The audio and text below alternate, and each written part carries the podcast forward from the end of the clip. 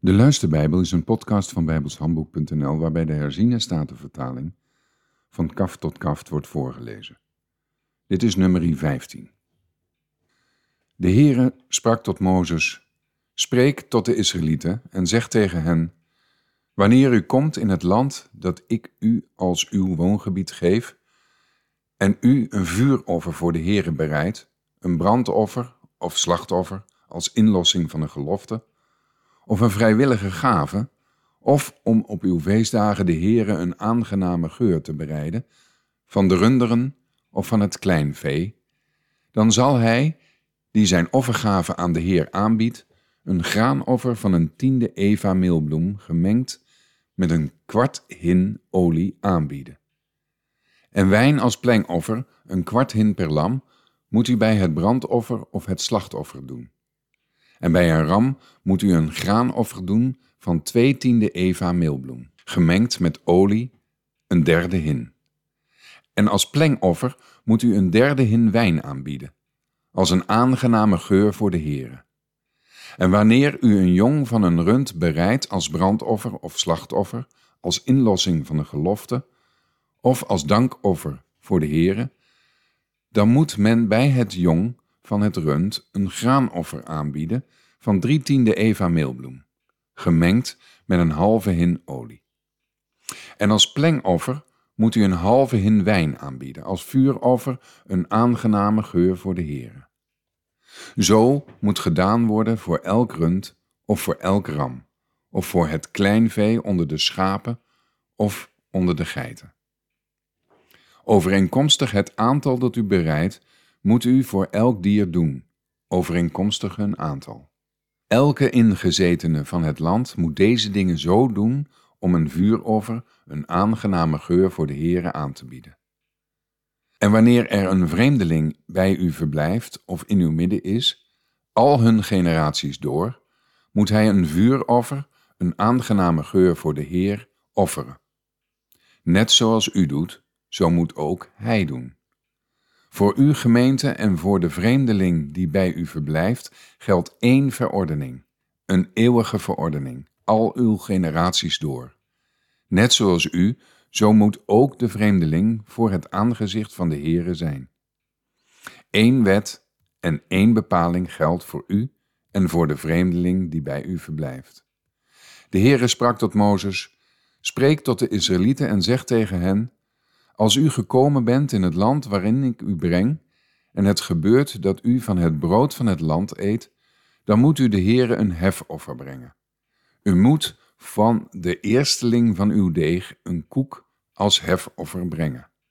Zoals het hefoffer van de dorsvloer, zo moet u dat brengen. U moet van de eerstelingen van uw deeg de Heere een hefoffer geven, al uw generaties door. En wanneer u zonder opzet gezondigd hebt en niet al deze geboden gedaan hebt, die de Heere tot Mozes gesproken heeft, alles wat de Heere u door de dienst van Mozes geboden heeft, vanaf de dag dat de Heere het geboden heeft, en daarna al uw generaties door, wanneer het zal zijn dat iets zonder opzet gedaan is, iets wat voor de ogen van de gemeenschap verborgen was, dan moet heel de gemeenschap volgens de bepaling één jonge stier het jong van een rund als brandoffer bereiden, als een aangename geur voor de Heere, met het bijbehorende graanoffer en het bijbehorende plengoffer en één geitenbok als zondoffer. Dan moet de priester verzoening doen voor heel de gemeenschap van de Israëlieten, en het zal hun vergeven worden, want het was zonder opzet. Zij hebben zelf hun offergave gebracht, een vuuroffer voor de Heere, en een zondoffer voor het aangezicht van de Heere, vanwege hun zonde zonder opzet. Dan zal het heel de gemeenschap van de Israëlieten vergeven worden, en ook de vreemdeling die in hun midden verblijft, want het is heel het volk zonder opzet overkomen. Als nu één persoon zonder opzet gezondigd heeft, moet hij een geit van een jaar oud als zondoffer aanbieden. Dan moet de priester verzoening doen voor die persoon die zonder opzet gezondigd heeft, met een onopzettelijke zonde voor het aangezicht van de Heere, om verzoening voor hem te doen, en het zal hem vergeven worden.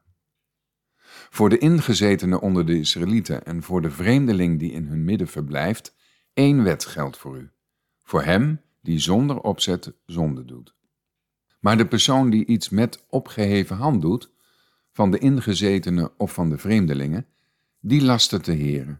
Die persoon moet uit het midden van zijn volk uitgeroeid worden, want hij heeft het woord van de Heere veracht en zijn gebod verbroken. Die persoon moet beslist uitgeroeid worden. Zijn ongerechtigheid is op hem. Toen de Israëlieten in de woestijn waren, troffen zij een man aan die hout sprokkelde op de Sabbatdag. En zij die hem aantroffen terwijl hij hout sprokkelde, brachten hem naar Mozes en naar Aaron en naar heel de gemeenschap. Zij namen hem in hechtenis, want er was nog geen beslissing genomen wat met hem gedaan moest worden. Toen zei de Heere tegen Mozes, die man moet zeker gedood worden. Heel de gemeenschap moet hem met stenen stenigen buiten het kamp. Toen bracht heel de gemeenschap hem weg tot buiten het kamp en zij stenigden hem met stenen, zodat hij stierf, zoals de Heere Mozes geboden had. De Heere sprak tot Mozes, spreek tot de Israëlieten en zeg tegen hen dat zij voor zichzelf al hun generaties door kwastjes moeten maken aan de hoeken van hun kleren. Aan de kwastjes aan de hoek moeten zij een blauw-purperen draad bevestigen.